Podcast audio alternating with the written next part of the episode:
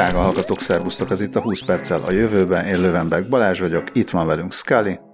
Sziasztok! Itt van velünk Dávid. Hello! Nem is tudom, hogy mondjak-e bármit arról, hogy picit kihagytunk, de inkább nem mondok semmit. Azt mondom, hogy a Twitterrel nem akartunk mostanában foglalkozni, ugye? Hogy összeesik a Twitter a Elon Musk után. Hát nem, mert még vagy, várjuk, vagy meg a, várjuk meg a becsapódást. Jó, szóval ezzel majd akkor foglalkozunk. Én csak annyit addig... foglalkozom, hogy igen, addig. Csak annyi, hogy addig a popcorn, a popcornt készítjük, csak ennyi. Hát a popcorn azt szerintem már, már lehet fogyasztani, mert folyamatosan történik valami vicces, de annyi van, hogy én egy picikét visszatértem a Tumblr-re, ti el se hagytátok, igazából én se hagytam el, csak kevesebbet használtam, de most egy picit talán többet használom, edzem magam. És, és... olyan jó visszatérni kicsit néha. Ezt akartam kérdezni, hogy boldogabb az életed, így, hogy a Tumblr-en vagy? Ja, nem, de... Tumblr-it hogy el?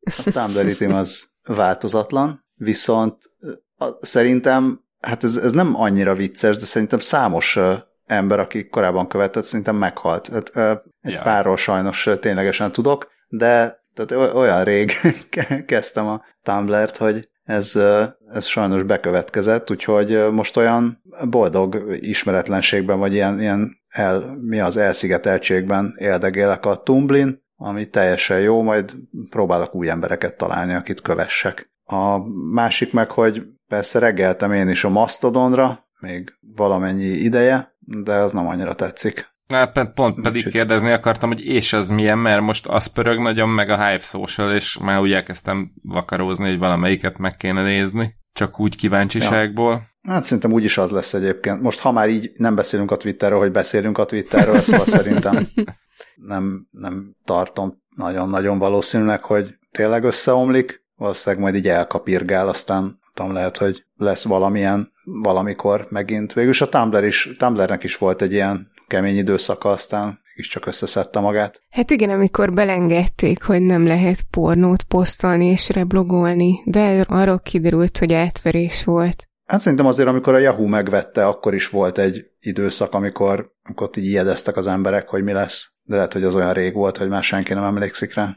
Tehát ez a kettő egybeesik, nem? Mármint, hogy a pornóban az a yahoo felvásárlás következménye volt. Ezt tudjátok, én, én a memóri, memóriám, hogy ezt fogalmam nincs, hogy ez akkor volt-e. Amikor még olyan kevesen voltunk. Ja, de ezt... Ja, a, igen. Ezt igen, akkor majd akkor, amikor már, ja. már összeomlik. Amikor akkor már összeomlik a Twitter, akkor, akkor majd visszatérünk csinálunk, és csinálunk egy social epizódot. Egy téhetet. Na, nézem, hogy mi az első, ja igen, első, az még teljesen rovaton kívüli sztori, amikor még azt hittem, hogy a múlt héten lesz felvételünk, akkor pont aznap lett volna a felvételünk, amikor a föld lakossága elérte volt a 8 milliárd főt. Úgyhogy hát ez már, ez már akkor nagyon régi hír, egy hetes, azóta már garantáltan sokkal többen van, vagyunk itt, de hát az 8 milliárd potenciális podcast hallgatót azért szerettük volna üdvözölni. Csak bírják a szerverek. Igen, ez november 15-én volt állítólag, az ENSZ számításai szerint, amikor elértük. És az előző milliárdforduló 2011-ben volt, akkor még nem is volt podcastunk. A következő meg állítólag valamikor ilyen 2030-as évek vége felé lesz. Hát, ha csak nem történik addig néhány dolog még. Olyan sok. Ta az előző az 2011-ben volt. Azt hittem, hogy ez hamarabb be fog következni a következő. Hát belassult azt hiszem a növekedés most a... Nem? Nem lassult be a növekedés egy picit? De végül is lehet. Most, vagy a növekedés gyorsulása lassult be. Na mindegy, ezt nem tudom. Nem eresztünk rá itt semmiféle logaritmust erre a görbére. Az biztos, hogy ha az utóbbi pár évtizedet nézzük, akkor nagyon begyorsult. Tehát az első milliárd az, az egy ilyen pár százezer év volt, és utána az elmúlt 200, 1800-as évek elején történt, tehát amióta létezik Homo sapiens sapiens azóta, ez, azóta és az 1800-as évig tartott az első milliárd, és utána 200 év alatt hétszer ennyit nőtt. 1999-ben értük el a 6 milliárdot, és utána 11-12 év alatt elértük a következő milliárdot, utána még 11 év alatt ugye a következő milliárdot, és azt állítják, hogy ez egy picit most be fog lassulni, és ezért lesz a... Aha. Ezért lesz ez. És 2050 mi az 2080-as években tetőzik majd állítólag a, az emberi népesség, 10,4 milliárd fő körül, és nagyjából 2100-ig ezen a szinten is marad, majd csökkenésnek indul, garantáltan nem ez fog történni, mert szerintem ezek a jóslatok általában nem szoktak bejönni, de majd akkor erre egy faluabban visszatérünk, ha máskor nem, akkor 2100 körül.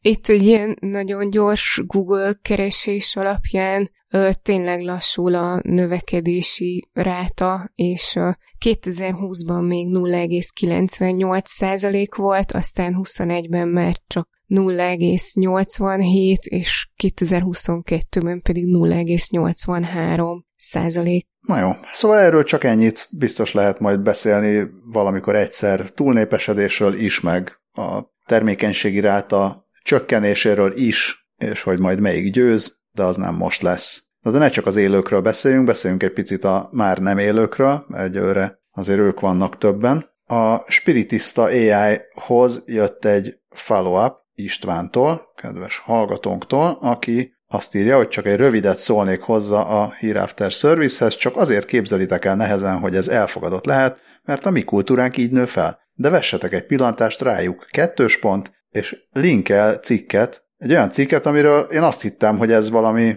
ez biztos valami egy ilyen szenzációhajház izé, hogy, hogy ez nem is igaz. De aztán Ja, utána néztem, és... Onion, vagy ilyesmi. De hát ha Ja. nem is onion, hanem, hanem nem tudom, olyan Reader's Digest vagy valami, hogy kiderült, hogy nem is pont így van, vagy van valami folklórizé, amit úgy állítottak be, hogy ez egy népszokás, de igazából csak egyszer történt meg, de nem. Szóval Indonéziában a toraja, nem tudom, hogy kell kiejteni, a toraja hallgatóink majd, majd mondják meg, hogy ezt hogy kell kiejteni, de úgy írják le, hogy toraja. Szóval a toraja nép nem csak, hogy mumifikálja a elhunyt hozzátartozóit, de, de gondozza is a, a halottakat, teljesen úgy, mintha még mindig élnének, mert az ő hitük szerint a, a lélek az abszolút így ott marad, hát nem csak a házban, de hogy, mint hogyha a testben is ott lenne, tehát hogy így etetik, meg, meg ruházzák, meg vizet adnak nekik, meg cigit, és valamiféle ilyen formaldehid, meg egyéb anyagokkal meg, megpróbálják a, a rothadást megállítani. Gondolom ez bizonyos mértékben sikerül, mert állítólag azért eléggé büdösek lesznek ott a testek, tehát különböző ilyen potpuri meg virágillattal próbálják ezt elvinni, de, de azt is csinálják, hogy időnként évente, vagy nem is tudom, tehát hogy időnként úgy kiszedik őket, és akkor új átöltöztetik, meg így ott vannak a lakásban, és akkor ilyen vidáman fotózkodnak a, a cikk szerint a, az elhunytakkal. Teljesen, teljesen horrorisztikus az egész, nem hiszem, hogy ez, ez túl egészséges lehet, de ez tény, hogy, hogy eléggé más, más a hozzáállásuk a, a halálhoz, meg a halottakhoz, mint nekünk, és, és nagyon érdekes folklór cikk ez. Állítólag rettenetesen sok pénzt költenek a, a, a temetkezési ceremóniára is. Olyan, olyan összegeket láttam, hogy azt hittem, hogy ezt elírták. De simán elképzelhető, hogy nem, nem írták el, hanem hogy 50 ezer és 500 ezer dollár közötti összegeket, tehát a gazdagabb családok állítólag egy ilyen félmillió dollárt költenek a temetésre. Ami az azért elég, elég gazdag családnak kell lenni, vagy pedig mások a hitelkonstrukciók ott Indonéziában. Meg, Hát, de azért még az- dollár, nem tudom. De az még a, még a itt, hát igen, a cikkben USD-t írnak, úgyhogy az az, az, az U betű, az eléggé U betű, és akkor még a Tesco gazdaságos temetés is majdnem 20 millió forintba kerül, amit azért úgy nehezen hiszek, de, de hát lehet. Ö, mint a, mondjuk én, én, én találkoztam már ezzel a mm, törzsel, vagy ennek, mármint hogy ezzel a hírrel, ami erről szól, meg láttam már ilyen fotókat, hogy engem annyira nem ütött szíven, de azért, azért tényleg, drága hallgatók, csak erős idegzetűek kattintsanak a jegyzetben a linkre, mert tényleg elég erősek ezek a fotók. Igen, és ezek után valóban nem olyan furcsa a, az, az, az a technológia, amiről az előző adásban beszéltünk. Hát el tudom képzelni, hogyha ennek megjelenik az indonéz verziója, akkor kapva kapnak rajta, és nagyon fognak örülni, hogy egyrészt sokkal olcsóbb, másrészt végre eltemethetik a halottakat, és mégiscsak sokkal jobb, nem? Tehát ugyanúgy, ahogy mondjuk telefonon is felhívod a nagypapát, nagymamát, nem kell elmenni hozzá folyton falura, vagy akárhol is lakjon. Hát ez is akkor meg lehetne azt csinálni, hogy mondjuk eltemetnek vele egy mobiltelefont, és akkor úgy tesznek, mintha vele beszélgetnének, de valójában a, az AI-jal. És akkor mindenki jól jár. És valószínűleg az AI ö, több interakcióra lesz képes, mint így a, a jelenlegi formában ö, az elhunyt rokonok, tehát még, még javíthatja is az élményt. Igen, és akkor bele lehet ilyeneket programozni, mondja meg, hogy hú, képzeljétek, leszoktam a cigiről, tehát ez már nem kell. Na, köszönjük szépen István, nagyon érdekes sztori. Igen, és, és tényleg, tényleg teljesen más perspektívába helyezte azt a hírt, tök igaza volt Istvánnak. A, a már eltemetett vagy eltemetendő dolgok oh. apropóján. Scully rovatozott ma? Ö, ma? Ilyen csapat, csapatrovatozás történt. Egyet én írtam be korábban, és a többi meg Scully. Hát én akkor, hát akkor enyém a kétharmad. És akkor az első rovat cím az én voltam a Lemez Plus játszó rovattal. Nekem a lemeztelenítés is nagyon tetszik, amit kommentbe hagytál, de akkor most megosztom a hallgatókkal, hogy akinek ami ja. tetszik. Ja, jó, jó, oké, akkor majd a B-terveket is beolvasom. És a, az első hír az pedig, a, amit Balázs nagyon szépen feladta a labdát itt az előbb, ugye az elfeledett, vagy igen, hogyha valaki végrehajtott lemeztelenítést és kidobálta a régi CD-ket meg a DVD-it, az most egy picit visszatérhet ezekhez. Elnézést, csak közben egy szakavatott szőrös hangmérnök megigazított egy picit itt a mikrofont az arcom előtt. Szóval egy Discmaster nevű oldalról van szó, Discmaster, discmaster.textwise.com címen érhető el. Egyébként ez az Internet Archive-nak egy ilyen mondjuk spin-offja, talán, talán így lehetne leg, legjobban összefoglalni, ami azt tudja, hogy, hogy mindenféle régi CD-k, DVD-k, floppy lemezek és hasonlók tartalmát archiválják, az, hogy pontosan honnan érkeznek ezek a lemezek, azokat azt nem lehet tudni, de a Vice cikke szerint több mint 7000 CD és 11 millió fájl van most jelenleg az állományukban. Hát ha jól értem, akkor ez az internet archívum, tehát ez, ez, mag, ez ténylegesen az internet, a régi internet tartalma van CD-ken és flopikon, csak az a gond, hogy a régi interneten nem volt standard fájlformátuma a média fájloknak, és ezért, ezért nagyon nehezen kereshető. Igen, ez igen, a igen. tartalom. E, igen, és ez az egyik nagy újdonság vagy jóság ebben a cuccban, amit egy Jason Scott nevű úriember tá- ácsolt össze, aki, a, aki a, az Internet Archive ö, archivistája, hirtelen nem tudom, hogy erre mi a szép magyar szó, aki, aki elmondta, hogy igen, ez az egyik probléma, hogy nagyon nehéz volt a, nagyon nehéz volt korábban ugye a korai internet az olyan volt, mint a vadnyugat, nem voltak semmilyen mm, egyezményes fájszabványok, videórendelés, audiokodek, szöveg megjelenítési módszerek és hasonlók. Ugye hát aki emlékszik még erre, a 2000-es évek elején azért nem tudom, hetente kellett föllapátolni a különböző, nem tudom, QuickTime, Flash, ö, mi, mi volt még, hirtelen akartam mondani, hogy hogy hívták azt, ami nem a Flash, és, és nem is a QuickTime, de olyan, Shockwave, Shockwave plugint, meg, meg a Microsoftnak is volt ilyen saját okossága, meg ilyenek, ö, aztán akkor minden vagy működött, vagy nem. Na itt, és ebbe, itt igazából ez a, ez a nagy jóság, hogy hogy a Diskmaster az, az minden ilyet bármilyen browserben meg tud nyitni, legalábbis Scott azt mondja, hogy akár egy régi Commodore 64-jel föl lehet menni a Diskmasterre, és mindenféle egyéb dolog nélkül a régi fájlokat megnézegetni. A nagyon szimpatikus tulajdonsága az oldalnak, hogy felsorolja azokat a böngészőket, és, és ilyen jósági sorrendbe rakja őket, amikkel böngészhetők ezek a fájlok, tehát még az Internet Explorer 1.0 is ott van, de az az abysmal, azaz a tényleg az ilyen pusztulat kategóriában van. Igen, de a jó kategóriában még befért igen, az igen. Internet Explorer 4.0 és a Netscape kommunikátor 4.0 is. Idősebb hallgatóink még emlékezhetnek erre. Egyébként most adásunk felvételének pillanatában összesen kb. majdnem tízezer CD-nyi vagy egyéb adathordozónyi adat van fent, több mint 12,5 terabyte, ami 134 milliónál is több fájt jelent. Ennek a többsége ez... kép, igen. Csak azt akartunk kérdezni, hogy ebből hány CD a pornó?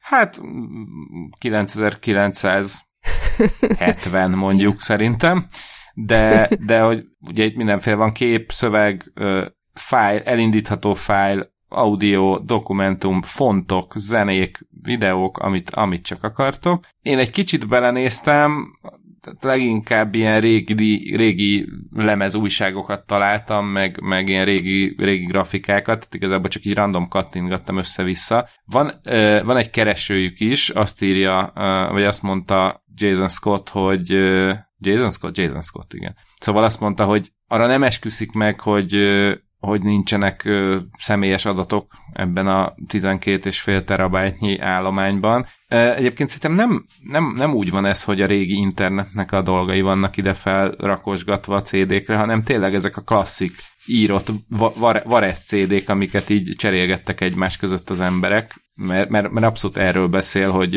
a, a program mi a szépen lassan dolgozza fel a, az archívumban benne lévő CD-k és flopik tartalmát, igen, csak szerintem ezek a CD-k és flopik az internet archívumot tartalmazzák. Tehát akár ez a régi AOL meg FTP, tehát amit küldözgettek az emberek, nem? Ja, tehát nem ja, az van, hát hogy csak... E- elmentek a, elmentek a padlásra, és akkor kinél milyen CD-k vannak. Hát lehet, hogy az a jó ember, akiről beszéltünk néhány adással ezelőtt, aki a mai napig floppy diszkeket árul, lehet, hogy ő is a beszállítójuk.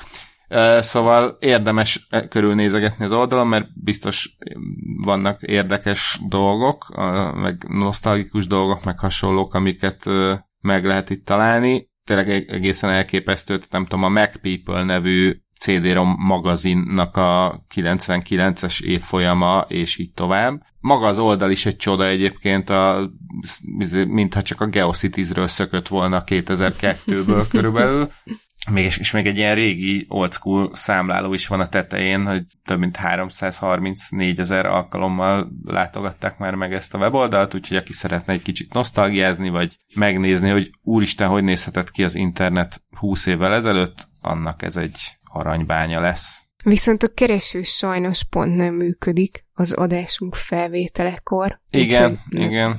Nem lehetett keresni, de itt a, a a CD-rom és a disk menüpontokban, a kategóriákban így lehet nézelődni, és egyébként mm, meg vannak jelölve, hogy mely képek és videók a, az NSFV kategóriák, és összességében végül is kevés ahhoz képest, hogy mennyi tartalom van. Ez valóban ilyen ős internet lehet. Hát akkor örülünk, hogy ez legalábbis nem pusztul el véglegesen, ha csak nem veszi fel azt a headsetet, a következő hír szól.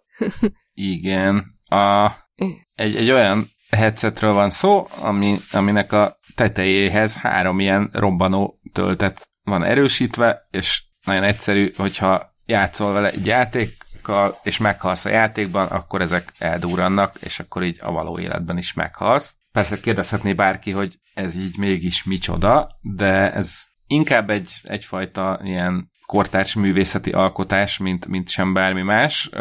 Úgy gondolod? Érde...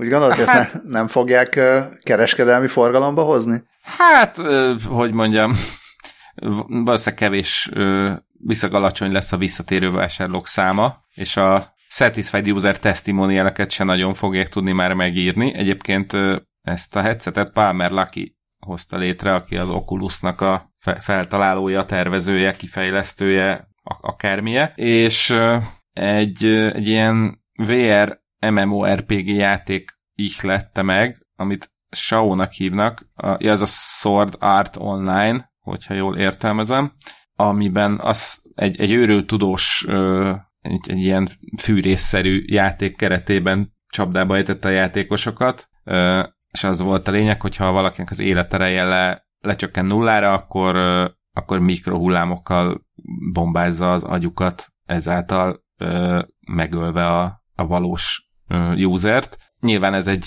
ez egy science fiction beillő valami, és Parmer is azt írja, hogy, hogy ez, ez abszolút ez a szenárió, de hogy annyira megnőtt ennek a játéknak a népszerűsége, hogy, hogy már lassan kezd valós hatás, a való világra is hatással lenni, és ez adta az ötletet, hogy egy kicsit gondolkoz, elgondolkozzon ezen a dolgon, hogy ja igen, meg hát persze a játékosok is írták, hogy, hogy mikor lesz, mikor válik valóság ez a Nerve Gear-nek nevezett dolog. Hát azt tetszik, hogy azt írja, az a legjobb másfél mondat, vagy kettő, hogy a, a jó hír az, hogy már félúton vagyunk a tökéletes Nerve Gear létrehozásához, és a rossz hír az az, hogy egyelőre csak az a része van meg, hogy, hogy öljön meg téged a headset. A másik része, ami a tökéletes virtuális valóság, az sajnos még nincs kész. E, igen, egyébként annyi az érdekessége, hogy, hogy akkor robbannak ezek a kis töltetek, hogyha a képernyőt, amit a szemeddel látsz, az vörösre vált, mert ugye egy csomó játékban, amikor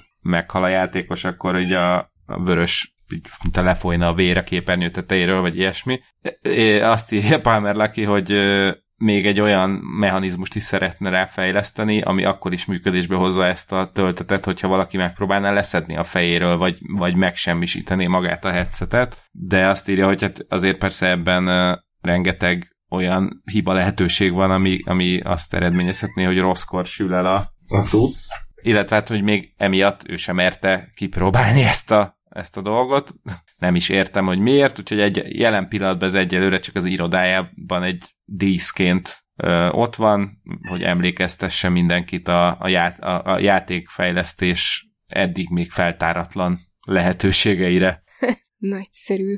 Azért nekem eszembe jutottak róla egy olyan filmek, könyvek, mint a Battle Royale, meg azt hiszem, hogy a Squid Game-ben is az volt, attól próbáltam távol tartani magam, mert nem, nem voltam egy jó periódusban, amikor kijött, és úgy éreztem, hogy nem tenne jót, de úgy tudom, hogy abban is ilyen a vérreper az életükre menő játékot kénytelenek játszani a szereplők, tehát hogy ez egy ilyen, ilyen teljesen új ö, perspektívát nyithat az ilyen, uh, ilyen történetekben. Ez volt az egyik, ami eszembe jutott róla, a másik pedig az, hogy uh, akkor ez a játék utolsó VR-ig.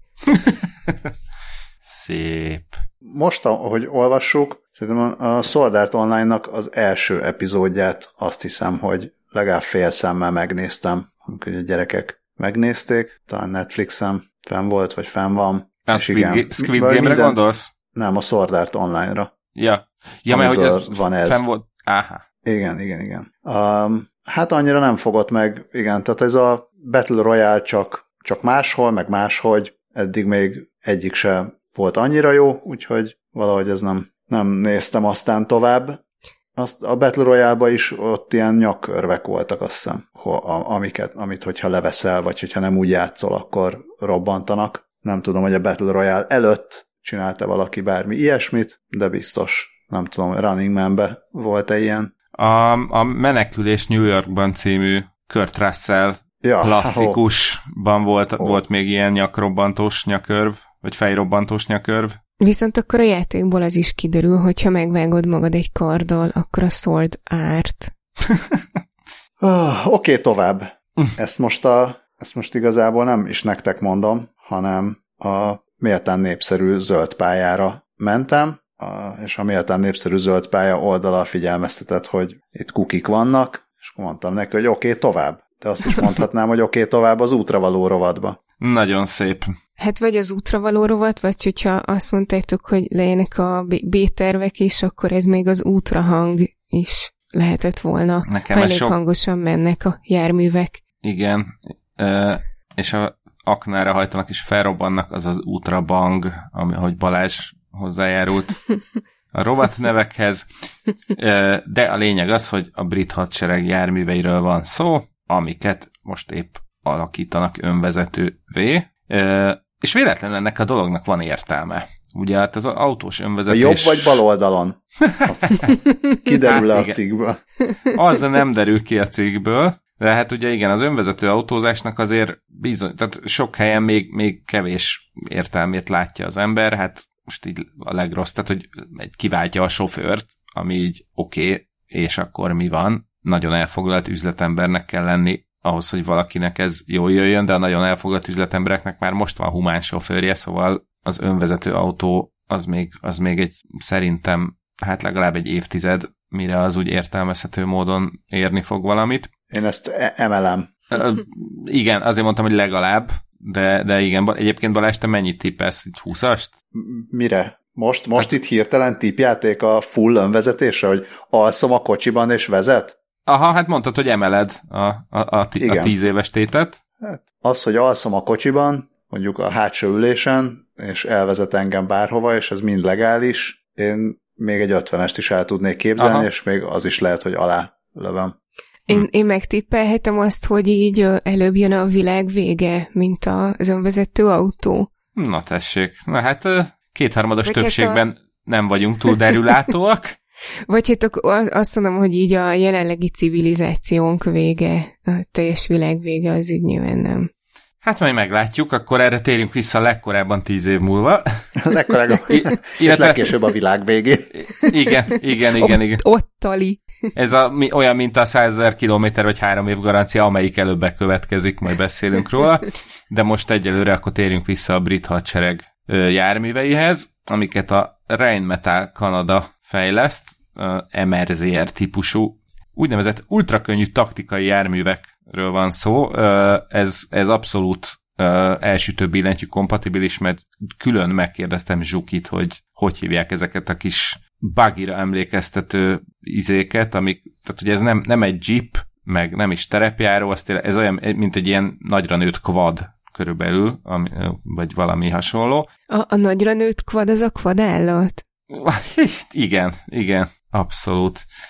Ö, és hát ugye az a poénja ezeknek a cuccoknak, hogy olyan, olyan önvezető rendszert akarnak rá fejleszteni, ami, ami azt eredményezi majd, hogy egyrészt tényleg tudnak majd maguktól is közlekedni, de akár távirányítással is lehet majd vezetni őket, és hát ez azért lehet jó, mert akkor ezeket vissza tudják küldeni a katonák utánpótlásért, vagy, vagy sebesülteket kimentő módban. Mindezt úgy, hogy a sofőr, sofőrt nem veszélyeztetik. Mondjuk ez leginkább az utánpótlásnál érvényes, a, a sebesült mentésnél ott igazából ott azért már egy ember életről van szó. És egyébként 4-6 katonát tud elszállítani egy ilyen járgány, ami nem egészen egy tonna, 952 kiló, de akár 680 kilónyi hasznos terhet is elbír, és egy vagy két hordágyat is ö, lehet rá rögzíteni. Úgyhogy hát az kíváncsi leszek, hogy ezt mit fog tudni. Ugye itt ebben az esetben azért az önvezetés az egy sokkal mm, talán kevésbé kötött önvezetés, mint hogyha egy városban közlekedő, közlekedési szabályokat betartó önvezetést kellene fejleszteni. Itt nagyjából annyi a feladat, hogy ne menjen neki a fának, meg ne essen bele az árkokba, és akkor a, ha már onnantól tud menni egyenesen, akkor nagyjából jók vagyunk. Kíváncsi leszek, hogy ez a való életben mennyire válik be. Ugye pont Zsuki állandó bölcsességére térünk vissza, aki ugye azt mondta, hogy katonáéknál a minél egyszerűbb, annál jobb, mert minél bonyolultabb valami, annál nagyobb valószínűség, hogy elromlik. Na hát erre kíváncsi leszek, mert azért egy ilyen önvezető technológia azért az nem az a fajék jellegű megoldás, úgyhogy érdekes lesz nézni, hogy majd hogyan csinálják ezt meg hülye biztosra is, meg, meg ilyen harcállóra is. Én szeretném az első videót arról, amikor kiküldik a brit ultrakönnyű taktikai járművet, és a nem tudom, Szíriában, Afganisztán, mit tudom, valahol az első kanyarban befordul balra kisívben, és neki megy szembe a valaminek. Véletlenül nem programozták át. Igen. Hát illetve majd, amikor a, a helyi gyerekek egy telefonról megtörik az egészet, és majd kiíratják velük a sivatagba, hogy hülye angolok, angol hülyék. Jó, de mondjuk nem csak háborúba lehet küldeni okos autókat. Ez biztos, nem... sőt. Lehetne, lehetne békébe is küldeni. És lehetne, hogy segítsen az embereknek a dugók elhárításában. Erre gondolsz? Erre. Pont, képzeld, de jó, hogy erre gondoltam, mert pont ezt csinálták a, a múlt héten Nashville-ben a Vanderbilt Egyetem kutatói, oktatási intézményekkel és autógyártókkal együtt, és Azért tettem be ezt a hírt, mert ugyan borzalmasan rossz a memóriám, de arra például tökre emlékszem, hogy valamelyik első adásban ö, beszéltünk ö, az autózás jövőjéről, és nekem akkor így tökre megmaradt az, hogy Dávid mondta, hogy az egyik ilyen elképzelt jövő az, hogy az autóknál lesz egy ilyen nagy hive mind, hogy így az összes autónak a rendszere egy, egy, egybe van kötve, és egy nagyon intelligens rendszer irányítja úgy a forgalmat, hogy, hogy, hogy ne legyenek dugók, illetve hogy minden optimálisan menjen, és akkor... Aminek, hát a, így... aminek a nagyon basic verziója végül is a Waze, ahol látod a többi autót, csak még azért ezek annyira nem kommunikálnak egymással, hogy lassíts meg, meg gyorsíts meg ilyesmi, de, de nagyon ilyen kis, kis proto verziója akar ez már lenni. Hát igen, de ott így végül is az emberekre van bízva a, a döntés, meg az irányítás, tehát az emberek csak kap, kapják az infokat, és aztán ők ö, döntenek az alapján, viszont a, nekem abból a Hive Mindból az jött le, hogy az ott így úgy, úgy is van, és úgy csinálja. És egyébként ö, ennél a kísérletnél is az, az volt az érdekes, ö, vagy hát számomra az az info jött belőle, le, hogy az emberek hülyén vezetnek, de hogyha beküldenek közéjük egy autót, amit mesterséges intelligencia vezére, akkor még a hülyén vezető emberek is jobban vezetnek. Nem ez most így ilyen nagyon sorkított volt, de hogy egy korábbi kísérletben, egy, egy zárt pályán ugyanezek a kutatók mert ezt tesztelték, hogyha 20 autó megy, ott ilyen közlekedik, és ebből a 20 autóból egyet irányít mesterséges intelligencia, mm, akkor ez, ez az egy autó meg tudja változtatni az összes többi autóvezetőnek a, a viselkedését a jó irányba, és tud javítani a megállási és elindulási dinamikán, ami gyakran vezet mindenféle ok nélkül kialakuló dugókhoz, mert ugye ha valaki indokolatlanul fékez, vagy teljesen megáll, és utána felgyorsít, akkor ugye a mögötte levő is erre kényszerül, és az egész így tovább gyűrűzik, és elvileg, ha egy, egy olyan mesterséges intelligenciával felszerelt autó van közöttük, aki ezt nem csinálja, akkor az elvileg az összes többi ö, vezetőre is jó hatással van, meg az egész közlekedésre, és akkor ezzel nyilván nem csak, hogy, hogy a, a dolgok nem alakulnak ki, de ezzel az üzemanyagfogyasztás is jobb, és, és akkor így a környezeti terhelés sem olyan vészes. Na és akkor most a múlt héten ezt tesztelték egy autópályán, méghozzá Nashville-ben a 24-es számú autópályának egy 6,5 kilométeres szakaszán, ahol az út mellé ezen a szakasz, szakaszon több száz ultrany felbontású kamerát is felszereltek, és ennek segítségével alkotnak ö, meg egy digitális ö, modellt, amiben ö, elemezhetik a, a közlekedést, Mm, és hát a kísérletben ö, egy, egy héten keresztül a reggeli csúcsforgalomban ráküldtek száz ilyen autót az autópályára, ö, amelyeket ö, mesterséges intelligenciával szereltek el, ami szeretek fel, ami elsőre kicsit viccesnek tűnik, hogy így úgy segítenek megszüntetni a dugókat, hogy, a, hogy száz autót ráküldenek még pluszba az autópályára. De hát nyilván ez a tudomány érdekében történik. Mm, és hát ez a múlt héten volt, és sajnos így eredményeket még nem közöltek, gondolom most még így elemzik a digitális modellt, de tök érdekes a, az egész projekt. Az is, hogy, hogy, hogy egy autó milyen hatással képes lenni a többire, meg az is, hogy mi lesz ebből élesben. Azt hiszem, hogy talán a Midbusters-ben vizsgálták meg, hogy hogy, hogy van ez a, ez a stop and go forgalom dolog. Aha. És, és tök érdekes, hogy ez, ez abszolút egy emberi hiba, vagy hát egy emberi tökéletlenség. Egy kör alakú pályára engedtek be nem tudom hány autót, ugyanolyan időközönként, tehát mondjuk, mondjuk mit tudom én, 5 másodpercenként mehetett be egy autó, és az volt a feladat, hogy stabil, fix sebességgel körözzenek. Ugye hát elvileg egy modellben ez azt eredményezni, hogy ott lesz, nem tudom, 15 autó, mindegyik 30 km per órás sebességgel megy, tehát elvileg nem változik köztük a, se- a távolság. Gyakorlatban viszont ugye az emberek nem tudják ezt ennyire precízen betartani, és ezért folyamatosan ez az ilyen féregmozgásszerű, hol besűrűsödtek az autók, hol elszakadtak egymástól, és egy idő után akár, akár ugyan próbálkoztak, valakinek mindenképpen le kellett lassítania, vagy meg is kellett állnia, mert elfogyott előle az út. Tehát ezt biztos, hogy a precíz AI és hasonló rendszerek sokkal pontosabban fogják tudni betartani.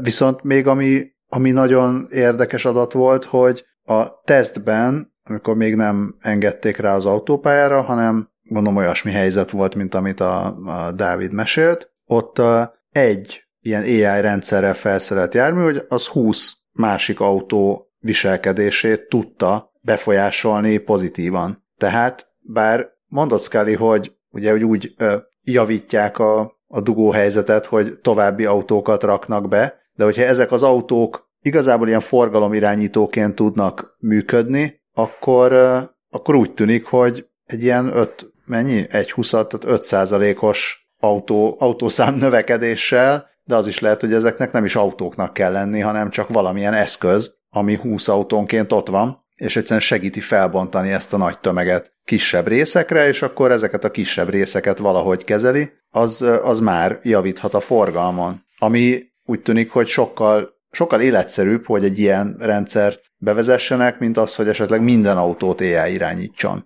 Sokkal nehezebb minden autót ellátni egy ilyen rendszerrel, meg azt a rendszert követni, mint mint mondjuk útszakaszonként figyelni arra, hogy legyen elegendő ilyen kis forgalomirányító izé, addig is, amíg nem sikerül az összes autót AI-jal ellátni. Meg már ja, ja. maga egy külön probléma. És akkor majd a forgalomirányító izéket törik fel a gonosz hackerek.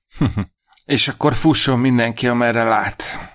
De legalábbis olyan, olyan felületen, ami áramot termel, mint például egy angol városban Telfordban. Ugyanis ez a következő hírunk, aminek Hát az volt a nagyon hangzatos címe, hogy futással lehet tölteni a mobilt a különleges útburkolaton, és ebből azt gondolná az ember, hogy így a saját maga mobilját tölti, de ez így, mint ahogy a cikkből kiderült, ez két külön dolog, tehát, hogy ha mennek ezen a különleges burkolaton, akkor az áramot termel, és, és kiraktak padokat a, az út mellé, amiken vannak ezek a csatlakozók, amikből tudnak az emberek mobilt tölteni, tehát igazából így akár másokat is megadományozhatsz árammal. Mm, külön érdekessége ennek a, ennek a technológiának, hogy, hogy ez egy olyan burkolat, amit a Coldplay is használt a koncertjeiken,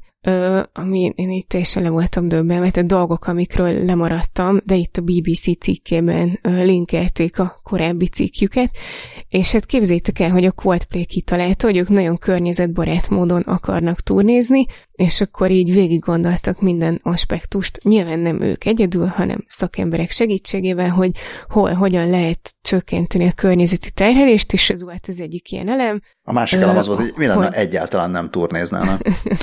hát elvileg, hát elvileg ezért nem turnéztak öt évig, vagy hát ugye ez, ez volt így a, így a, a szövegük, vagy tényleg nem turnéztak öt évig, és így fel is idézik itt egyébként a BBC cikkében, hogy az újságíró megkérdezte tőle, hogy, hogy hát, hogy hogy hogyan tudnák környezetbarát, ez még én nem tudom 2016-17-ben, hogy hogyan tudnák környezetbarátabbá tenni a, a turnéikat, és akkor így azt, azt mondta rá az énekes, hogy hát így amíg, amíg ezt nem tudják zöldebbé tenni, addig ők nem is fognak turnézni, de hogy így most így konkrétan így ebben az interjúban, ami 2021-es, bevallotta, hogy hát, hogy igazából ott itt csak valami nagyon cool dolgot akart mondani, csak aztán ebből így, így uh, ilyen headline-ok lettek, és akkor eljött, hogy jó, hát ez így egyrészt így, így tartani kéne magát, másrészt, hogy ez így tényleg, tényleg fontos, és akkor ezzel foglalkozni kell.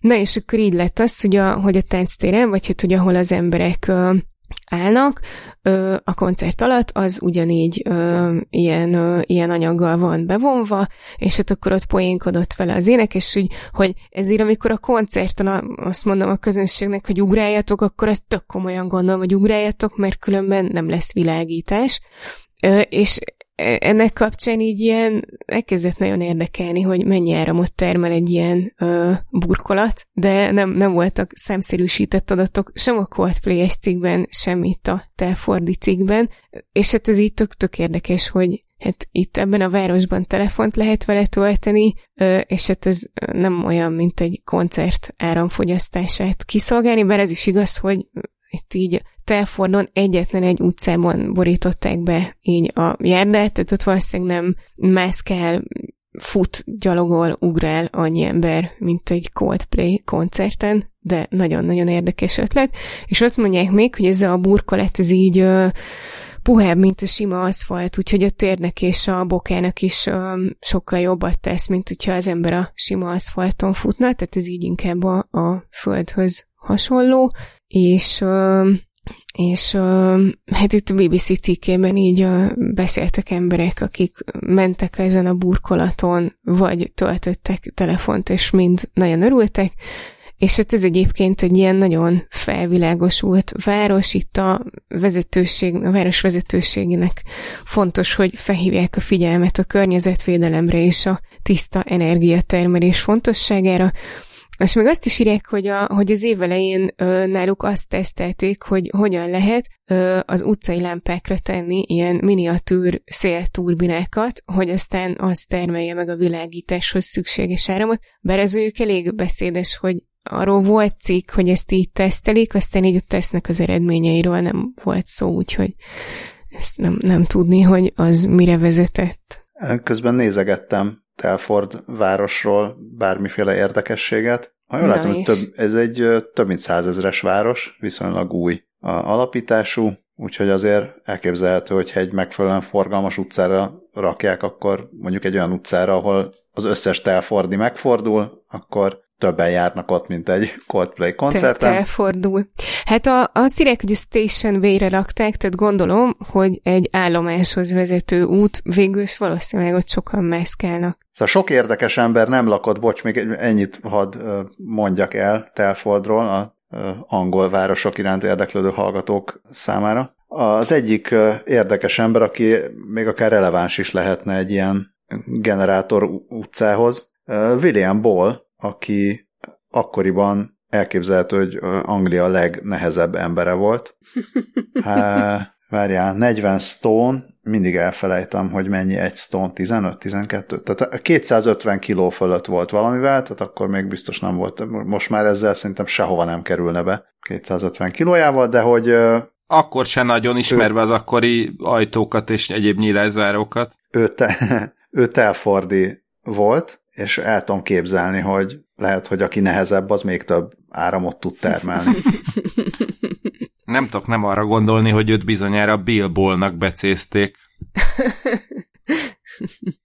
Egyébként én csak annyit akartam mondani, hogy Japán, azt hiszem, hogy Japánban volt, van ilyen pályaudvar, aminek hasonló a... Nem, nem, a pályaudvar az, az valamelyik skandináv országban van, és Japánban azt hiszem, hogy diszkó van, ahol ilyen a, a padló, csak azzal nem a telefont lehet tölteni, hanem a diszkónak az áram számláját lehet csökkenteni.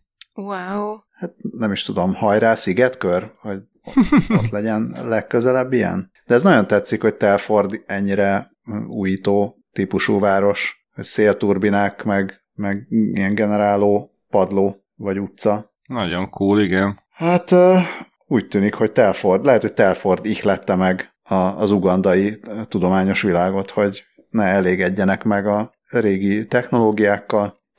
Szép lassan átfutunk az organikus rovatba. Szerv nyomtatásos díról lesz szó mindenféle formában. Az első az egy, hát nem, nem follow mondanám, inkább hallgatói e-mailnek Patrauta Lacitól sok szeretettel külön Scully-nak küldi azt a hírt, hogy a afrikai űrtechnológiával fognak emberi szerveket 3D nyomtatni.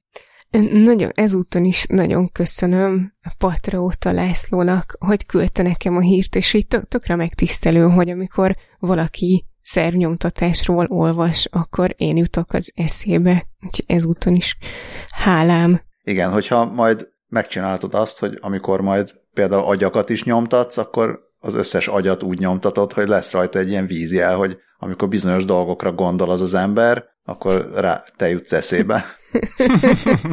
ja, és akkor a vízjel, és akkor, hogyha az agyat így meg kell javítani, akkor mehet a szerv vízbe. Ó. Igen, de, de maradjunk, maradjunk még Ugandában. A Quartz, azaz qz.com cikkét kaptuk Lászlótól, ami azt állítja, hogy nem máshol akar 3D nyomtatni szerveket Uganda, mint az űrben. Na hát. Az első, az első része ennek a sztorinak, hogy november 7-én a, az ország, mármint Uganda első műholdját lőtték ki az űrbe. Ez a Pearl Africa Sat 1. Innen is shout-out a Sat 1-nek. Ez egy másik Sat 1. És a, ezen az új, új műholdon elsősorban ilyen meteorológiai kísérleteket fognak végezni, mezőgazdasági monitoring kutatásokat, határbiztonsági adatszerzést és, a, és, a, és az ásvány, különböző ásványok feltárásában vagy feltérképezésében is fogják használni az adatokat, amiket erről a, vagy ezzel a műholddal fognak beszerezni, de a műhold biztosított, vagy hát a műholdon lévő mikrogravitációs környezetet arra is fogják használni, hogy, hogy 3D biológiai nyomtatással emberi szövetet nyomtassanak beleértve egy olyan kísérletet, egy olyan kutatómunkát, hogy megnézzék, hogy a mikrogravitáció hogyan hat a petefészek működésére. A cikk szerint a, a műhold, ezt most nem teljesen értem, hogy most a műholdot elindították, de ez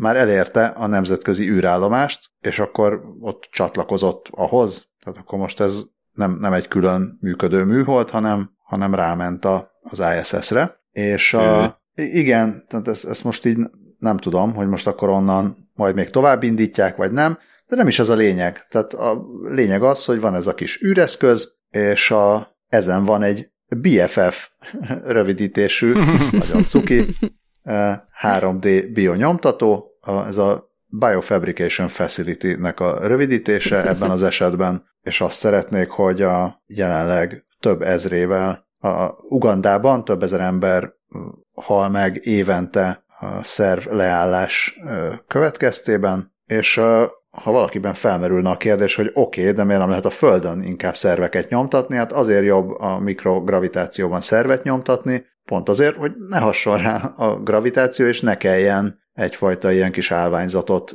felépíteni a nyomtatási folyamat során. Tehát, hogy a saját súlya alatt ne omoljon össze a, a szerv, miközben éppen nyomtatják, vagy amíg még nem szilárdult meg az az anyag, amiből nyomtatják, stb. Na, nagyon kíváncsi vagyok, hogy scully mikor lesz BFF-je a vállalkozásához. Hát most, hogy mondod. A, a, igen, egyébként rémlik, hogy azzal, azzal dobtad át Balázs, hogy hát az ugandaiak lenyúlták az ötletemet, de hozzá kell tenni, hogy én sem, semmit nem tettem az elmúlt években ehhez a vagy ezért a projektért, úgyhogy nem csoda, hogy, hogy ők pörögnek, de most ezzel megint kaptam egy új lendületet, pláne a BFF-fel, de egyébként is az egész projekt nagyon menőnek tűnik, úgyhogy majd ki, ki kell találnom, hogy az én, én módszerem az hogyan fog működni. Lehet hogy, lehet, hogy én nem fogom tudni felküldeni az űrbe, de majd még meglátom. Na hát kedves Elon Musk, hogyha hallgatsz minket valami roboton keresztül, akkor ugye nagy, még mindig nagyon várjuk, hogy csatlakozzál a Patreonunkhoz. Még gyorsan gyere, amíg még van pénzed a Twitter megvásárlása után, és akkor légy Scully-nak is intéz már egy egy, egy BFF-et. Egy, B, egy BFF-et, akivel együtt felmehet a SpaceX egyik űrhajójára. Kezdem azt gondolni, hogy nem is lenne jó, hogyha Elon csatlakozna mi nagyon jó fej patriótáinkhoz. Mi van akkor, hogyha ugyanaz történne, mint a Twitterrel, és így elmenne egy csomó ember tőlünk, mert nem vállalják hát várjál, ezt, vagy akár, vagy mi elmegyünk. hát várjál, azért, hogyha támogat, akkor azért csak nem mondja meg, hogy, hogy, ki csinál, hogy, hogy mit csináltunk az adásban. Hát ne is menjünk ebbe bele. De igen, igen, gondolni is szörnyű rá, hát hova tennénk azt a felmérhetetlen mennyiségű pénzt, csak a baj lenne Viszont, vele. Viszont azon elgondolkodhatnánk, hogy így adjunk kék pipát a patreótáinknak. Az Elon nélkül. 8 Jó, hát dollár. Ezen, ezen Sőt, még, mi, ezen még mi odaadjuk, mi odaadjuk 6 dollárért, na? De hát mert így is fizetnek nekünk. Igen, szerintem a patriotainknak majd azt adjuk, hogy adunk egy plusz hírt itt a, a műsor végén csak nekik. És csak ja, igen, igen, mert nekik, nekik előbb jön a... Na, ja, igen. Hogy nekik előbb lesz karácsony. Így bizony. Jó, de a, a többi kedves hallgatónak pedig azt tudjuk ígérni, hogy szervereinket és szerveinket karban tartjuk. Csak úgy, mint a, a következő cikkben egy szintén 3D nyomtatott szervet, amit nem hogy karban tartottak, de karra növesztettek. És akkor légy szíves, Balázs, oszd meg a drága hallgatókkal, hogy milyen, milyen kommentel dobtad ezt be nekünk. Igen, próbáltam, próbáltam valamit a karorra, hogy itt van a karorra, vagy nem tudom, meg, megvan a karorra, tehát nem, nem jött igazából a karórára akartam bármit szóviccelni, úgyhogy itt is, hogyha valamelyik hallgató a kar és az orra egy jobb szóviccet tud, akkor azt küldje el. Én addig csak azt arról tudok beszámolni, hogy a ananova.news oldalon láttam, hogy egy Franciaországban egy nő a orra rák áldozata lett, és új orrot növesztettek neki a saját karján, ami úgy elsőre nagyon nehezen felfogható, hogy oké, okay, ezt így, és akkor ezt így hogy. Ezt a Toulouse Egyetem, Toulouse Egyetemi Kórház és a, egy Toulouse Rákutatóintézet és a Claudius Rego intézet több orvos csapata és plastikai sebész csapata közös munkában végezték ezt el. Azt csinálták, hogy egy szintetikus hát ilyen orr mintát, vagy orr vázat elhelyeztek a karján, és utána, utána arra így rá, rá növesztettek egy, hát most teljesen szóviccen kívül testre szabott bioanyagot, amiből aztán egy abszolút ilyen életszerű orr keletkezett, amit ráadásul vaszkularizálni tudtak, tehát hogy érrendszer, érrendszer átszőtte pár, pár nap alatt. Tehát ha jól látom, tíz napot töltött kórházban. A páciens, tehát ha jól, jól értem, akkor ez nem egy, nem egy ilyen őssejt, őssejtes megoldás, hanem szerintem a cikkben nem is írják le, hogy milyen, mi volt ez a bioanyag, csak annyit, hogy hát egy ilyen, ilyen önmagát magyarázó magyarázat van, hogy a bioanyag az, az olyan anyag, ami vagy szintetikus, vagy élő, és amit orvosi célra lehet használni, hogy egy szerv vagy szövet pótlására beültessék. Hát oké, okay, köszönjük szépen. Minden esetre ez volt, az, ez volt az első alkalom, hogy egy ilyen újonnan élő orrot le tudtak gyártani. Tehát még egyszer, a, az eredmény az az lett, hogy van egy olyan orr, vagy műorr, amit az erek beszőnek, és aztán hozzá tudják csatlakoztatni a páciens tényleges érrendszeréhez ott fönn az arcán. Ez nagyon durva, nagyon érdekes tök kíváncsi vagyok, hogy ez majd hova fog még kifutni, hogy mi, mi, mit fognak tudni még így létrehozni. Hát ja, de tényleg elképesztő. Ugyanakkor nekem ebben a hírben a, a legérdekesebb, vagy leg, vagy legmeglepőbb rész az maga a forrás volt, ugyanis ez egy ananova.news című oldalról származik, amiről azonnal írtózatos nosztalgiám lett, vagy amitől, mert eszembe jutott, hogy 2000-es évek elején volt egy Ananova nevű hír, hírszolgáltató, ami, aminek az volt a speckója, hogy még egyszer mondok, 2004-ről beszélünk,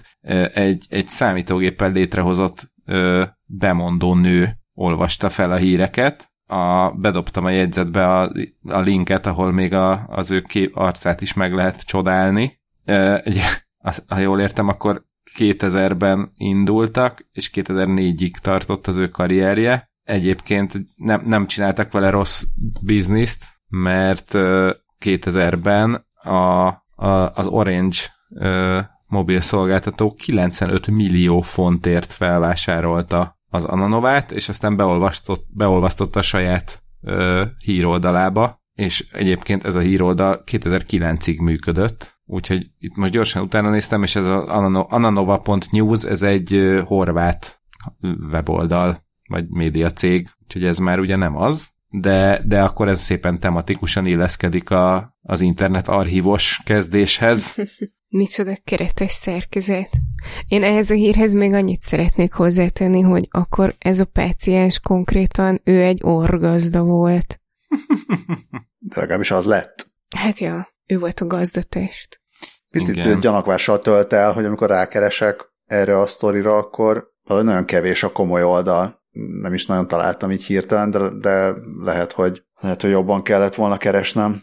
Lehet, hogy ez nem is ez egy, megjelente, de lehet, hogy ez csak azért van, mert nem franciául keresek. lehet, hogy ez nem is egy véresen komoly cikk, mint a Johoho. következő. Igen, nagyon szép. Remélem, hogy nem az orrunknál fogva vezetnek minket. Bocsánat, visszaengedlek a csodálatos átvezetéshez. Fantasztikus, fantasztikus. Egyébként ez pedig a, az önvezető katonai járművekhez csatlakozhatna tulajdonképpen, a, ugyanis a Popular Science-en számoltak be, be róla, hogy az amerikai hadsereg ö, drónokkal szállítaná a vért a harctéren. Ezt a Project Crimson fedő nevű hadgyakorlat során próbálták ki, ami, ami idén szeptembertől novemberig zajlott, illetve ez egy nagyobb hadgyakorlat volt, a Project Conver- Convergence, és ennek volt egy része a Project Crimson. És gondolom úgy szállítanák, hogy a, az ellenségtől elfelé szállítanák, és a saját katonáknak meg oda. Igen, igen, és, és a, a drónok azért le is szállnak, nem csak úgy permetezővel, mint az erdőtűzoltásnál itt kieresztik a cuccot, úgyhogy így Hát, hogy az is ez- lehetne, mint, a, mint, a, mint az ilyen ö, levegőben, amikor megtöltik a repülőgépeket. Igen, Legyen a Tényleg. csőgy, becsatlakozol egy ilyen jackbe, vagy a katét, vagy az kanülbe, és akkor és akkor a drón meg ott lebeg fölötted, amíg ki nem csorog belőle az összes nafta.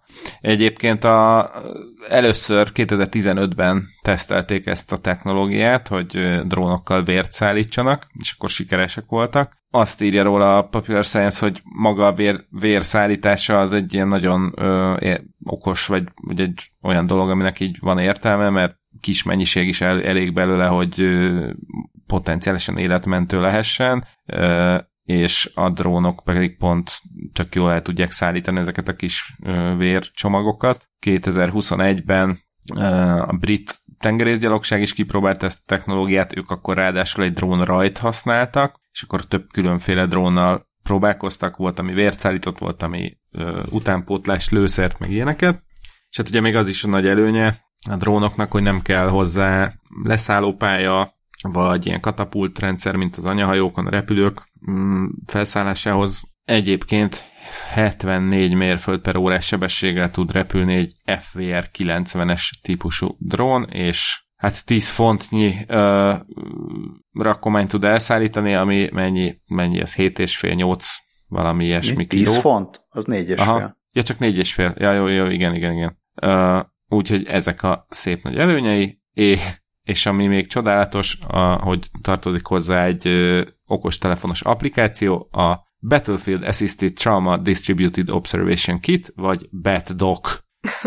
Sajnos K betű van a végén, úgyhogy nem egészen Batmanes, de, de majdnem ami különféle szenzorok, a beteg, vagy hát a páciensekre helyezett szenzorok adatait tudja összegyűjteni, leszkennelni, és akár készülékenként 25 páciens adatait vagy információját képes tárolni, ami meg azért nagyon fontos, mert a, az ilyen felcserek, akik ellátják a sebesülteket, azoknak nem kell hosszasan magyarázni, amikor megjön a helikopter, vagy az önvezető autó, ami elviszi a sebesülteket a kórházba, akkor, akkor nem, nem lesz nagy kavarodás, hogy most akkor kinek mi a baja, hanem minden info ott lesz digitálisan, sőt azonnal még mielőtt akár a helyszínre érne a, a szállító jármű, és akkor így, a, amikor megérkeznek a tábori kórházba, akkor már pontosan előle fel lehet készülni az érkezésükre, hogy kit hogyan kell ellátni. Egyébként azt gondolom, hogy ezt a rendszert nem csak a katonák fogják tudni használni, hanem például a természeti katasztrófáknál a mentő alakulatok is jó hasznát tudják majd venni. Örülök, hogy drónnal viszik a vért. Lehetne drónnal vinni a vért nem csak katonáknak,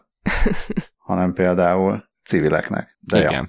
Igen, hát ez erre mondtam, hogy majd a ilyen mentő alakulatok is Igen, igen. hasznát vehetik. Én már csak annyit tudok hozzátenni, hogy ezek ilyen húsba vágó kérdések. Ja. És hogyha oda megy a drón, aztán kiderül, hogy a harctéren nincs is katona, hanem csak önvezető autók. hát akkor visz nekik olajat, vagy nem tudom, mi, mi kellhet nekik. Gépzsír. És igen, hát ha már így a zsírnál meg a húsba vágó kérdéseknél tartunk, akkor ugorjunk is tova. Ugye beszéltünk itt már korábban mindenféle laborban növesztett élelmiszerekről, ugye arról, hogy először azt hiszem a marhahúst sikerült reprodukálni ilyen formában, aztán a csirkehúst, és akkor a szilikonvádi rovatba, lehet, lehet, hogy a szilikonvádi rovatba volt már a laborban növesztett csirke is, meg talán a hal. Hát laborban növesztett disznó biztos, nem? De hát igen. Az, igen, valószínűtlen. De hogy ugye ezek eddig csak ilyen kísérleti adjatok még pénzt kutatások voltak, most viszont már ott tartunk, hogy az Egyesült Államokban engedélyezték a laborban növesztett hústermékek kereskedelmi for, for, forgalmazását, illetve hát mondjuk úgy, hogy egy akadály elhárult ez elől. A, most egyelőre egy Upside Foods nevű cég hústermékeiről van szó, ők csirke csirkékből nyernek ki mm, sejt mm, állományokat, és ezekből növesztik a, az ő elmondásuk szerint a, a sima hentesnél kapható csirkehússal teljesen analóg ö, húst, és ez az, amit most már a, az amerikai élelmiszer és gyógyszerfelügyelet, az FDA ö, engedélyezett forgalmazásra, de azért nem eszik ezt olyan forrón, mert egyelőre még az amerikai mezőgazdasági minisztériumnak, a USDA-nek is rá kell majd bólintania erre, a, erre az engedélyeztetésre. Ami gondolom azért lesz egy picit neccesebb, mert ott aztán sokkal erősebben beindulhatnak a mindenféle húslobbik. Valószínűleg igen, de... hogy, hogy a, az FDA-nél lehet, hogy kisebb szava van mondjuk a szarvasmarha tenyésztőknek, vagy a vagy a, a Big, chi- big Chickennek. Big Chickennek, igen. Míg a mezőgazdasági minisztériumnál pedig azért valószínű, hogy, hogy több van. Gondolom, hát ez is, hogy most ez, ez az Upside Foods, ez, körül, ez, ez régebben Memphis Meats volt. Nem tudom, hogy Amerikában mennyire erős ez a mozgalom, hogy na de ami nem hús, akkor azt nem lehet húsnak hívni, de akkor ez mégiscsak inkább olyan, mint a hús, akkor ezt lehet-e húsnak hívni? Lásd ugye a tej tej versus növényi italok, tehát az sem EU-ba biztos nem lehet tejnek hívni, nem lehet a szójatej, meg rizstej, meg ilyenek, az nincsen, hanem már csak növényi ital van.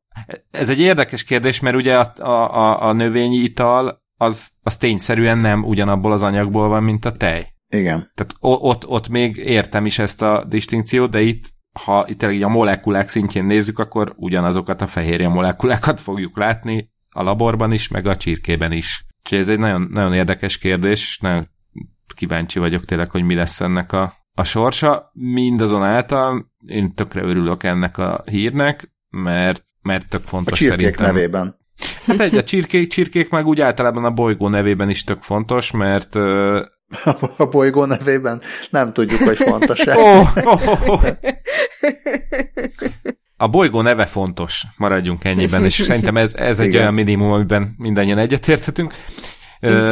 Ugye azt tudjuk, hogy a hústermelés, hogy, hát az, az egy nagyon fenntarthatatlan gyakorlat, hát az a hústermelés, ahogy, ahogy ez most ahogy, ahogy most megy, csináljuk. Meg igen, most igen. tart. Igen, tehát egyrészt ugye nagyon meredeken emelkedik a fogyasztás, és emellett meg a, a hús hasznosítású állatok tenyésztése is nagyon ter- terület, energia és víz igényes. Ugye vannak mindenféle számok, hogy egy kiló marhahúshoz nem tudom hány 100 liter víz kell, meg mekkora a termőterület, meg stb. Uh, ami, ami aggasztóbb, ugye hát pont most beszéltünk az adás elején a 8 milliárd emberről, 2050-re a mostani szint, mostani termelés, élelmiszertermelés ö, mennyiségnél 50%-kal többet kellene termelni, úgy, hogy a mezőgazdasági művelésre alkalmas területek 85%-át már most is kihasználjuk, a maradék 15-öt meg nem, nem, nem, nem éri, vagy nem gazdaságos, vagy fizikailag lehetetlen kihasználni, mert mondjuk olyan messze van mindentől.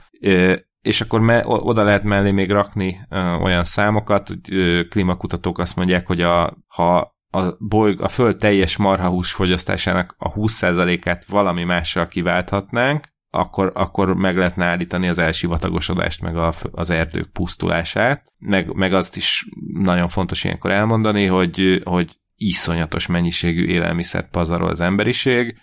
Eltér, vagy el, megoszlanak a számok, de hogy a, a meg, az összes megtermelt élelmiszer negyede, harmada legalább a kukába kerül, ami egy iszonyatosan szomorú dolog, és hogyha igazából, hogy már hogyha ezt el tudnánk kérni, hogy ez a, ez a, ez a szám ez, ez nullára csökkenjen, vagy legalábbis nagyon erősen konvergáljon a nullához, akkor már, már meg lehetne igazából oldani ezt a problémát. De, de amíg ez meg, tehát ez, nyilván ez úgysem fog megtörténni, és akkor viszont meg jobban járunk, hogyha, hogyha sikerülne például azt megoldani, hogy, hogy tényleg állatok abajgatása nélkül lehessen húst fogyasztani, azt szerintem ez egy tök jó dolog lenne. Uh-huh.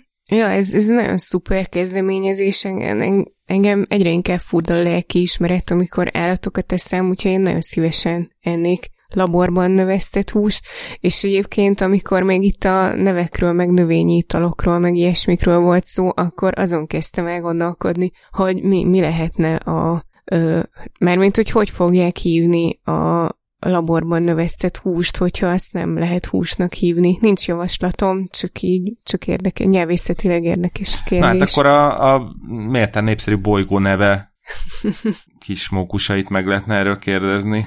Én kicsit attól, kicsit attól tartok, hogy vannak ezek a friss föl, meg farm föl, hát hogyha magamat a friss föl, meg a farm föl szövegíróinak, vagy nem, nem, tudom, tehát azoknak az embereknek a helyébe, vagy fejébe próbálom képzelni magam, akik kitalálták ezeket a szavakat a, a műtejfölre, akkor az első gondolatom az az lenne, hogy dús.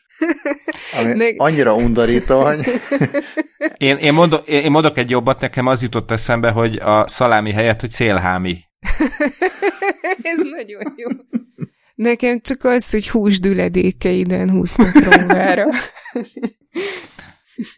Húshajába tépasztja. Ja, Istenem. ez Balázs, ez még miattad volt. Ez a telekeden szárad. Oké. Okay. Um, szóval, még közepes lelkismeretfurdalást érzek, amikor állatkákat eszem, de nem szeretnék róla teljesen lemondani, viszont azt el tudom képzelni, hogy ha minél inkább, minél szélesebb körben vezetnének be kötelező állatjóléti intézkedéseket, akkor nagyon drága lenne állatot tartani, és egyre szűkülhetne a lehetőség az intenzív állat, állattartásra. És most na, ez nagyon ilyen fehér emberesen megnyugatian hangzik, mert nem azt akarom, hogy na, akkor csak a gazdagok ehessenek húst, hanem pont az ilyen laborban növesztett húsban lehetne a megoldás. Tehát, hogyha ha azokon a területeken, ahol, ahol nagy lenne a húsfogyasztás, de mondjuk nem tudják nem, nem is azt mondom, hogy nem tudják megfizetni, tehát pont az lenne a cél, hogy az egy különleges dolog legyen, mint ahogy ma a organikus, meg kézműves, meg akármi minden egyéb termék. Tehát lehet azt mondani, hogy ez egy, ez egy ritkaság, hogy állatból származó, rendes élő állatból származó hús, de az az állat az jól volt tartva, vagy faluhelyen, vagy legelészet, stb. Meg nem kapott antibiotikumot, de abból kevesebb van. És amiből viszont van sok, meg tömegtermelésben hozzák létre, és mindenki számára minden nap elérhető, az pedig a laborban növesztett, és egyébként igen, mondjuk fehérje összetételében, meg tápanyag összetételében, meg mindenben. Az eredetivel megegyező, csak a, a, a növesztési módszerben nem egyezik meg. Tehát ilyen, ilyen álhús, vagy új hús, vagy nem tudom mi. Szóval az, az, az biztos jó lenne, és, és még akár megoldhatónak is tűnik, előbb, mint az önvezető autó. Hát meg valószínűleg nagy, nagyobb problémát is old meg, mint az önvezető autó. Igen. Igen, viszont visszatérünk szerintem ugyanarra a nehézségre, ami a harctéri bonyolításnál, vagy pedig akár a önvezető autó versus Józsi a sofőrnél is mondhatnánk, hogy most amíg Argentinában ott van a legelészhet a pampán a marha, vagy amíg ki lehet vágni az őserdőt, és lehet oda hajtani a, szintén a, a marhát, addig ők nem fognak azzal foglalkozni, hogy Európában vagy Észak-Amerikában mit ügyeskedik egy-két startup. Nekik, tok, nekik tök oké, okay, hogy itt most mi megtermeljük a marhát, meg amíg a ketreces csirkét lehet nevelni olcsón, addig nem fognak azzal foglalkozni, hogy jaj, de szegény csirke, mi van vele. Szóval még, még nem látom, lehet, hogy ez is most azt, azt mondja itt a, az egyik jó ember, akit megszólaltatnak a cikkben, hogy, hogy ez lesz az a nap, hát nyilván egy kockázati tőke befektető, feltételezem, hogy van nekik pár milliárdjuk ebben a, az Upside Foods-ban, de hogy azt Van mondja, hogy hát ez lesz... Tőke. Bocs. kockázati tőkehús. A, szóval azt mondja, hogy majd ez lesz az a nap, amikor az, tehát ezt az FDA jóváhagyó napja, erre majd úgy fogunk visszanézni, mint a, mint a mérföldkő, amikor a, a élelmiszerellátás valójában elkezdett megváltozni. Hát nem tudom. Hát nem jövőre fogunk még visszanézni erre a napra, amikor ez a nagy változás történt, de nagyon kíváncsi leszek, hogy megint csak majd a, a száz év múlva elkövetkezendő, vagy 2100-ban elkövetkezendő adásunkban majd visszanézünk erre is, hogy tényleg ez volt-e az a nap, meg az a mérföldkő, amikor minden megváltozott. Um, ja, hát kóstoljunk majd ilyet egyszer. Ja, mindenképpen. Mint a, Ami mint ugye a nem a, rovarokat. ez nem a Beyond Meat, Ez nem a ami Beyond Meat. Nem. trutyiból készült valami. ja. Nem. Nem. Hát és be, bármilyen ö, ilyen újítást ö, újongva fogunk fogadni. Mint a kis, mint a, mint a kis rovarok és bogarak. Ja, igen. Ha, ha már nektek nincs több, amit hozzátennétek, akkor elmesélem itt az utolsó hírnek ezt a nagyon cuki történetet, miszerint rovarok tapizására fejlesztettek miniatűr robotújakat. Ezt így írta meg a, a Bitport, és annyira imádtam, hogy mindenképpen el akartam mesélni nektek, hát ha nem láttátok. Ez egy, ez egy japán ö, projekt, és ö, a Ritsumeikan Egyetem kutatói alkották meg ezt a szerkezetet, amit ö, hát igazából nem csak rovarok tapizására fejlesztettek ki, hanem az volt a cél, hogy egy olyan, olyan eszköz készítsenek, amit a, a környezet apró elemeinek fizikai vizsgálatánál használhatnak, úgyhogy nagyon óvatosan mozogjon, és ne, nehogy megsértse azt a nagyon pici tárgyat, amit vizsgál, és ez egy, ez egy ilyen markolószerű dolog, icipici ujjakból áll, az egy új, az 3 mm széles és 1 centi hosszú, tehát így végül is majdnem olyan, mint hogyha ugye a pók lábakból csinálták volna, mint, azzal a, mint abban a néhány hírrel, vagy néhány adással ezelőtti hírben, és hát ebben elvileg ilyen rugalmas, folyékony fémből készült érzékelők vannak, illetve parányi pneumatikus, hát léggömbizomnak írták itt a Bitport, Bitport cikkében, ami nagyon érdekesen hangzik, és uh, azt hiszem, hogy Dávid szokott zenekar neveket vizionálni az ilyenekből. Én azért elmennék egy jó parányi pneumatikus léggömbizom koncertre. Szóval, hogy ez a két cucc együtt azt teszi lehetővé, hogy, hogy annyira finom mozdulatokat lehessen végezni ezzel a tárgyal, amelyek még egy apró rovarban sem okoznak sérülést, és az irányításához egy robotkesztyűt használnak, ennek a mozgását uh, utánozzák le a pici mikroújak, így lehet irányítani, és uh, a, a vizsgálat során egy, uh, egy gömb ászkának a lábait és a lábány, lábainak és a törzsének a reakció erejét mérték. Ezt a, ezt a bitportban mm, pillabogárnak fordították, de ahogy rákerestem, ez pillbug volt, és a, hogyha rákeresel pillbugra, igen, akkor ilyen gömb, gömbászka jön ki. És ja, már... ami, ami nem rovar, ezt azért szerettem volna ö, ja. elmondani, hogy mielőtt, ö, mielőtt az ászka rák kedvelők és a rovar kedvelők elárasztanak minket e-mailekkel, hogy ö, amúgy nem is csak a bitport fognám ezt, vagy, vagy nyomnám ezt az egészet, hogy itt keverik a különböző ízelt lábúakat, tehát az eredeti képen is, amit feltételezem, hogy a Ritsumeikan Egyetem adott, ott is az van, hogy oda van írva, hogy itt az ászkarák, majd utána alá van írva, hogy a biztonságos rovar interakciót tesz lehetővé, szóval itt azért a japánoknak yeah. is azért össze kéne szedniük magukat, és viszont szerencsére, hát ha ez nem lenne, akkor nem jutottam volna el a szárazföldi ászkarákok Wikipédia oldalra, ahol a következő gyönyörű mondattal találkoztam, és ezt megosztom veletek, mert ez talán, talán a hír legjobb mondata, de az is lehet, hogy a, a, a epizódunk legjobb mondata. No. A Magyar, Magyarország szárazföldi ászka faunája bekezdésnél szerepel az a mondat, hogy a hazai ászkarák kutatás több mint 150 éves múltra tekinthet vissza, ám ezen időszak alatt évtizedes periódusok is elteltek értékelhető eredmények nélkül.